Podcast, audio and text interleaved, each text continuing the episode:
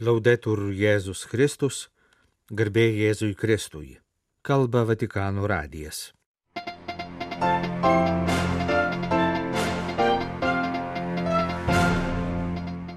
Vatikane prasidėjo tradiciniai gavėnios penktadienių pamokslai. Pirmajame pamoksle kardinolas Raniero Kantalamese komentavo evangelisto Jono užrašytus Jėzaus žodžius.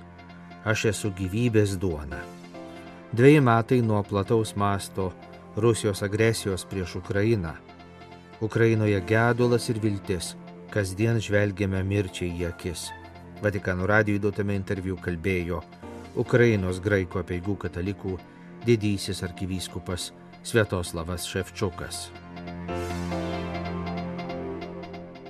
Sviatoslavas Ševčiukas prašo daryti viską, kad beprasmis karas Rusijos pradėtas 2022 m. vasario 24 d. pasibaigtų ir agresorė būtų sutramdyta. Kalbėdamas interviu Vatikano naujienų tarnybai Vatican News, ganytojas prašė, kad visi Europoje ir pasaulyje suprastų, kad tai nėra Ukrainos karas, o tarsi ugnikalnis išsiveržęs Ukrainoje, kuris įsiveržia į visą pasaulį. Šis karas paveiks visus. Prašau mūsų neužmiršti, nes jei būsime užmiršti ir apleisti, Ukraina krečianti karo stichija sukrės visą pasaulį.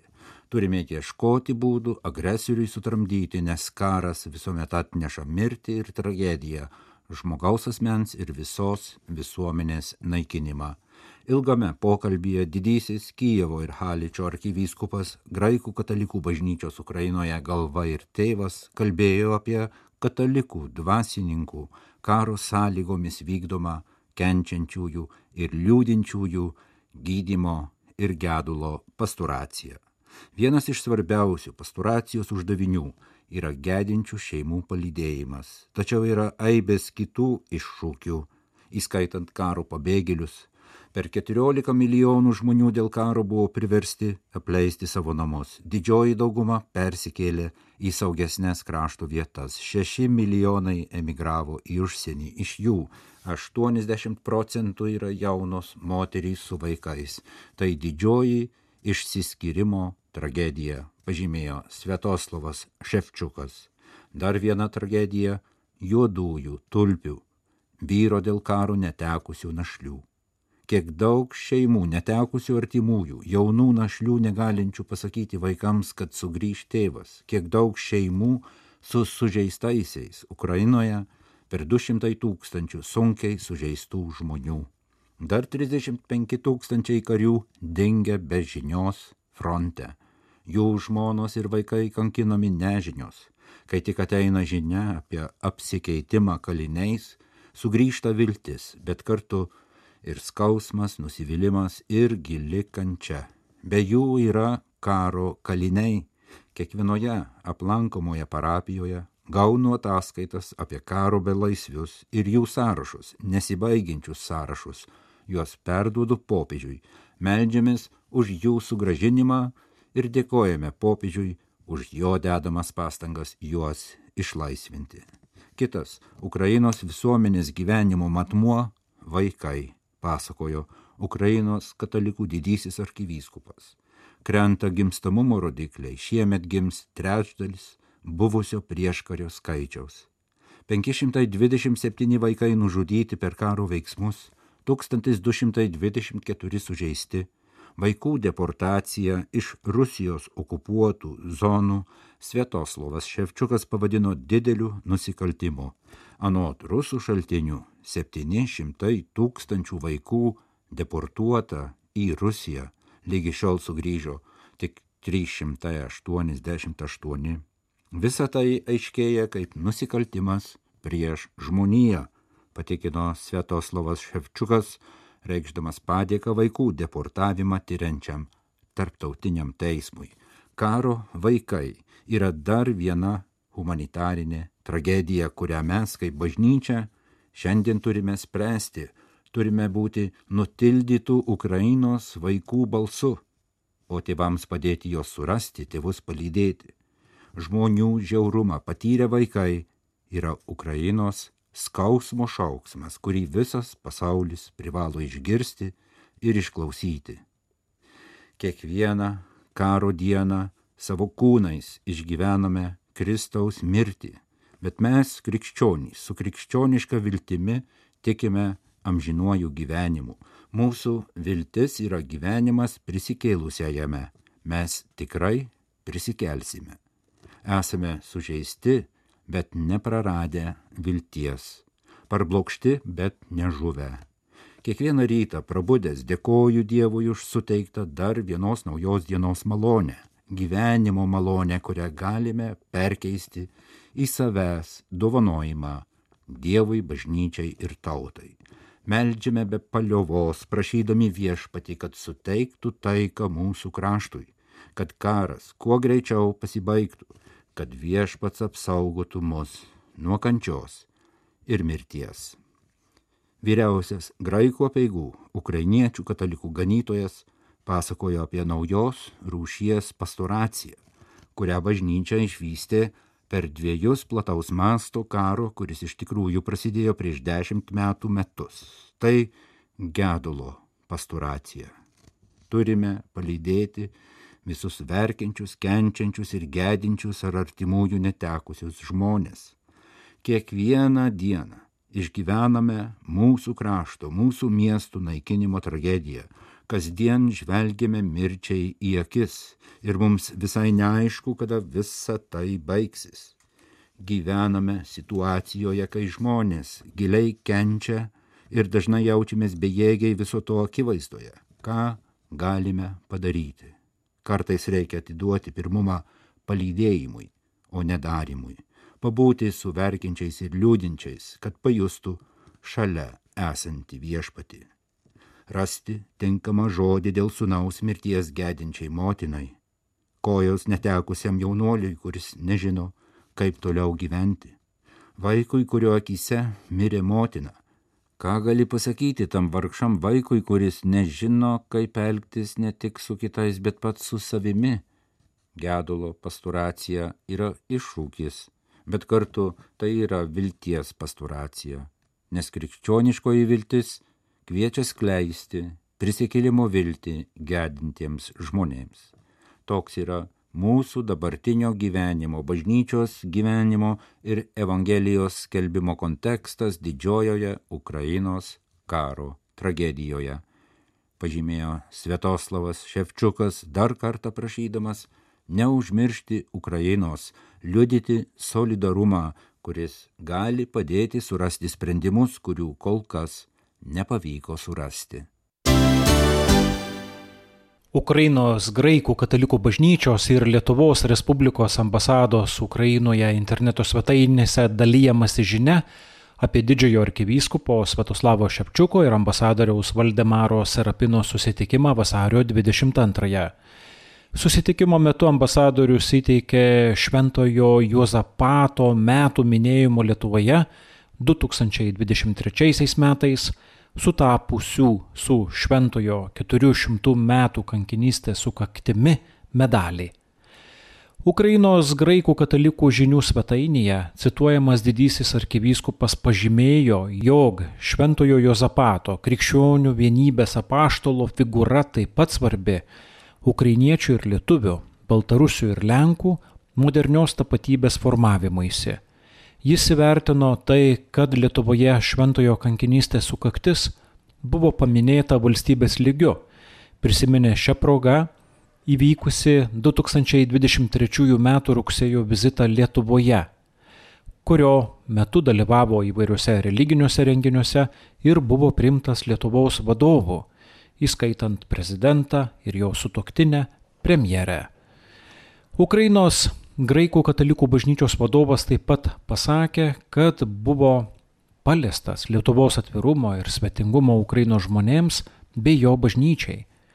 Šiomis dienomis sukanka dešimt metų nuo Rusijos karo prieš Ukrainą pradžios ir du metai nuo didelio masto invazijos. Labai dėkojame už Lietuvos žmonių solidarumą su ukrainiečiais, sakė didysis arkivyskupas Svetoslavas Šepčiukas. Pasak Lietuvos Respublikos ambasados pranešimo, Lietuvos diplomatas pabrėžė, jog Šventojo Jozapato puoselėjama vienybės idėja kaip niekada aktuali yra ir šiandien, kai gėris kovoja prieš blogį. Ambasadorius Valdemaras Rapinas arkivyskupai Svetoslavai Šepčiukui taip pat įteikė Ukrainos kunigo Pavlo Mikhailo Krečūno išverstą į lietuvių kalbą knygą Jozapatas Kuncevičius - Šventasis iš mūsų ir mums.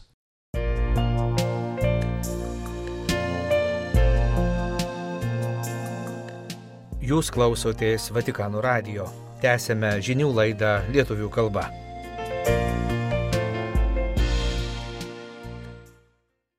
Penktadienį, vasario 23 dieną, baigėsi nuo sekmadienio vykusios popiežiaus Pranciškaus ir Romos kurijos vadovų gavėnios rekolekcijos, kurios šiais metais buvo atliekamos privačiai. Prieš rekolekcijų pabaigą, penktadienio rytą, Kai kurie kurijos vadovai ir Vatikano institucijų darbuotojai klausėsi popiežiaus namų pamokslininko kardinolo Raniero Kantalamesa gavėnios pamokslo. Popiežius šiame maldos susitikime nedalyvavo. Kardinolas Kantalamesa tradicinėms gavėnios meditacijoms Vatikano Pauliaus VI audiencijų salėje vadovaus kiekvieną gavėnios penktadienio rytą. Didį penktadienį jis, kaip popiežiaus namų pamokslininkas, sakys homiliją per Šventojo Petro bazilikoje vyksiančias Kristaus kančios pamaldas. Pirmojo gavėnios penktadienio meditacijos tema buvo evangelisto Jono užrašyti Kristaus žodžiai. Aš esu gyvybės duona. Kas ateina pas mane, niekuomet nebealks. Ir kas tiki mane, niekuomet nebetrokš. Pamokslininkas visų pirma priminė kontekstą, kuriame šie žodžiai buvo ištarti. Jėzus ką tik buvo penkiais duonos kepalėliais ir dviem žuvimis pamaitinęs tūkstantinę žmonių minę. Po šio stebuklo jam teko pasitraukti į nuošalę, nes minė norėjo jį paskelbti karaliumi. Tačiau stebuklingai pasotinti žmonės ir toliau jo ieškojo, kol galiausiai surado kitoje ežero pusėje. Tuomet Jėzus pasakė gana ilgą kalbą, kurioje pamėgino žmonėms paaiškinti duonos padauginimo ženklą. Žmogui reikia kitos duonos. Materialinė duona yra tik tos kitos duonos, gyvybės duonos ženklas. Kur galime gauti valgyti šios gyvybės duonos? Kardinolas Kantalamesa priminė, kad bažnyčios tėvai nurodo dvi tokias vietas - sakramentą ir žodį, tai yra Euharistiją ir šventą įraštą. Deja, įvykus skilimui tarp vakarų krikščionių, atsirado disproporcija ir tarp šių dviejų gyvybės duonos valgymo būdų. Katalikai labiau akcentavo Euharistiją, tuo tarpu į tai reaguodamas Liuteris tvirtino, kad gyvybės duona yra Dievo žodis. Ji dalyjama per šventojo rašto skaitimą ir aiškinimą, o valgoma per tikėjimą. Pagaliau tik dabar ekumenizmo dėka vėl grįžtama prie bažnyčios tėvų siūlytos abiejų elementų sintezės.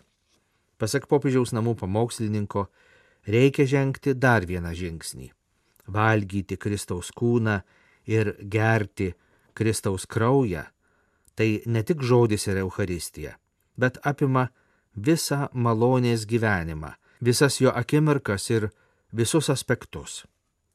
Kai šventasis Paulius rašo, man gyvenimas tai Kristus, jis galvoja ne apie kurį nors konkretų momentą. Jam Kristus iš tiesų yra gyvybės duona visais būdais. Žmogus valgo ją tikėjimu, viltimi ir meile, maldoje ir visame kame.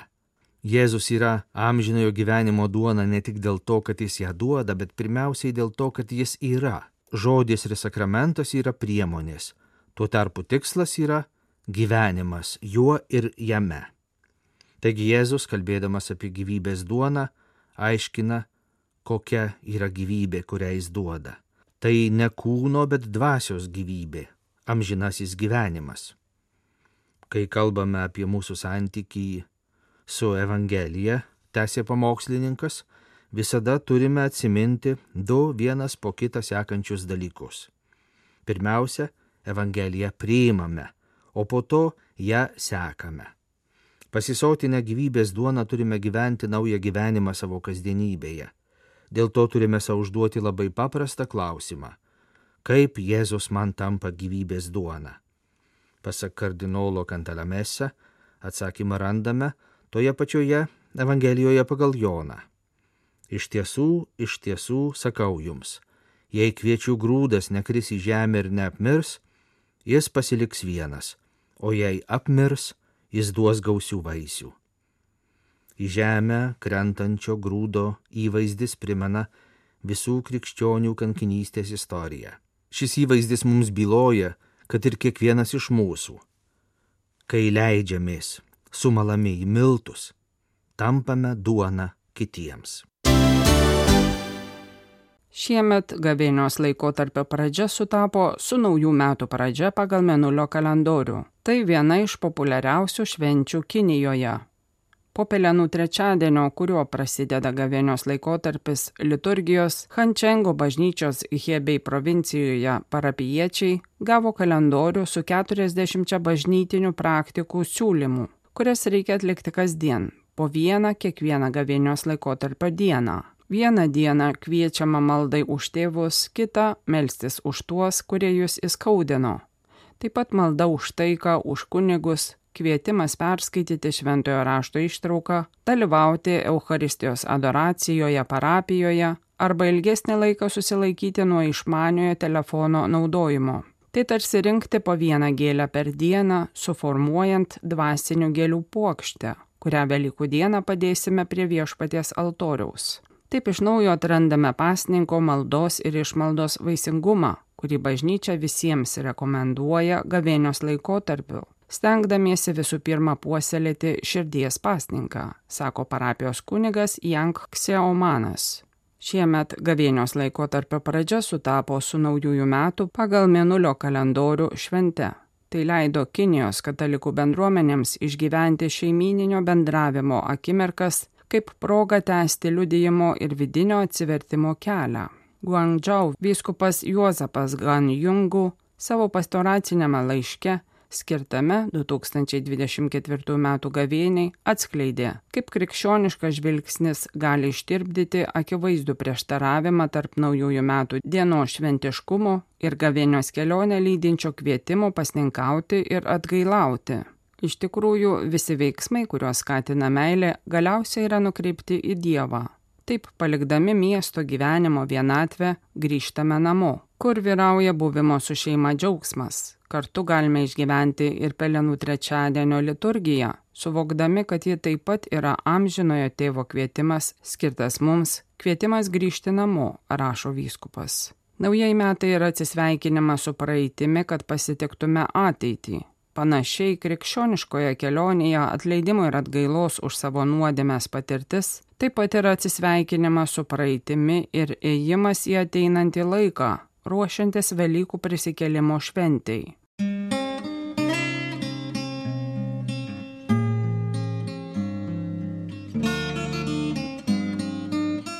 Kalba Vatikano radijas. Laidą lietuvių kalba baigėme. Garbėjai Jėzui Kristui, laudetur Jėzus Kristus.